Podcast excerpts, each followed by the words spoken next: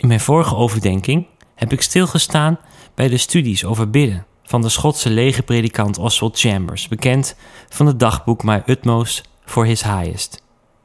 De conclusie van de vorige overdenking was dat we allereerst bidden om God beter te leren kennen. Om die reden heeft Chambers ook weinig begrip voor mensen die te druk zijn om te bidden. Hij noemt gebed een onderbreking van de persoonlijke ambities. Dat is volgens hem ook noodzakelijk, zodat het leven van God in ons kan groeien. Bidden gaat dus niet over onze ontwikkeling, maar over Gods ontwikkeling in ons. Maar maakt dat ons bidden tot een puur aanbidden? Spelen dan de verlangens van ons hart geen rol meer? Nee, zegt Chambers. We worden juist opgeroepen om God te bevragen. Hij citeert Lucas 11, vers 9. Vraag en er zal je gegeven worden. En hier begint Chambers een interessant betoog over wat de Bijbel hiermee bedoelt. Allereerst wijst hij erop dat onze natuurlijke neiging is om God niet om iets te vragen. Want vragen maakt namelijk afhankelijk. Dus vragen op zichzelf is al winst, omdat het laat zien dat we ons van God afhankelijk willen maken.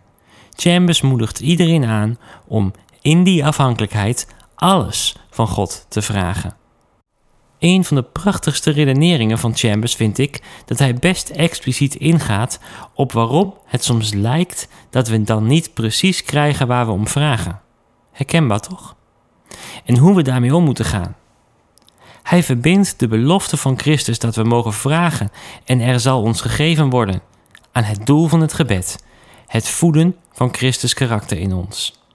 Dat is zijn interpretatie van Johannes 15, vers 7, waar staat: Als jullie in mij blijven en mijn woorden in jullie, kun je vragen wat je wilt en het zal gebeuren. Hij legt het zo uit: Kom zoals je bent voor God en leg je problemen neer. Alles waar je ten einde raad over bent.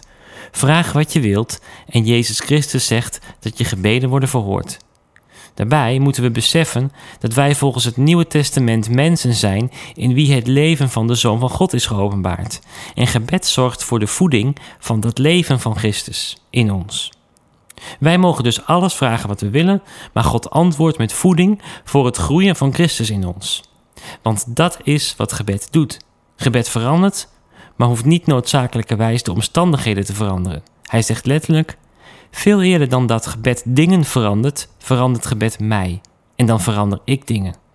We hoeven God niet te vragen dat te doen waartoe Hij ons geroepen heeft.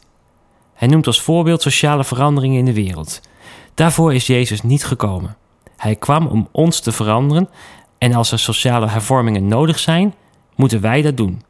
God heeft het zo bedacht dat gebed op basis van het verlossingswerk van Christus onze kijk op zaken kan veranderen. Gebed is niet een kwestie van externe omstandigheden veranderen, maar een wonder doen in het denken van mensen.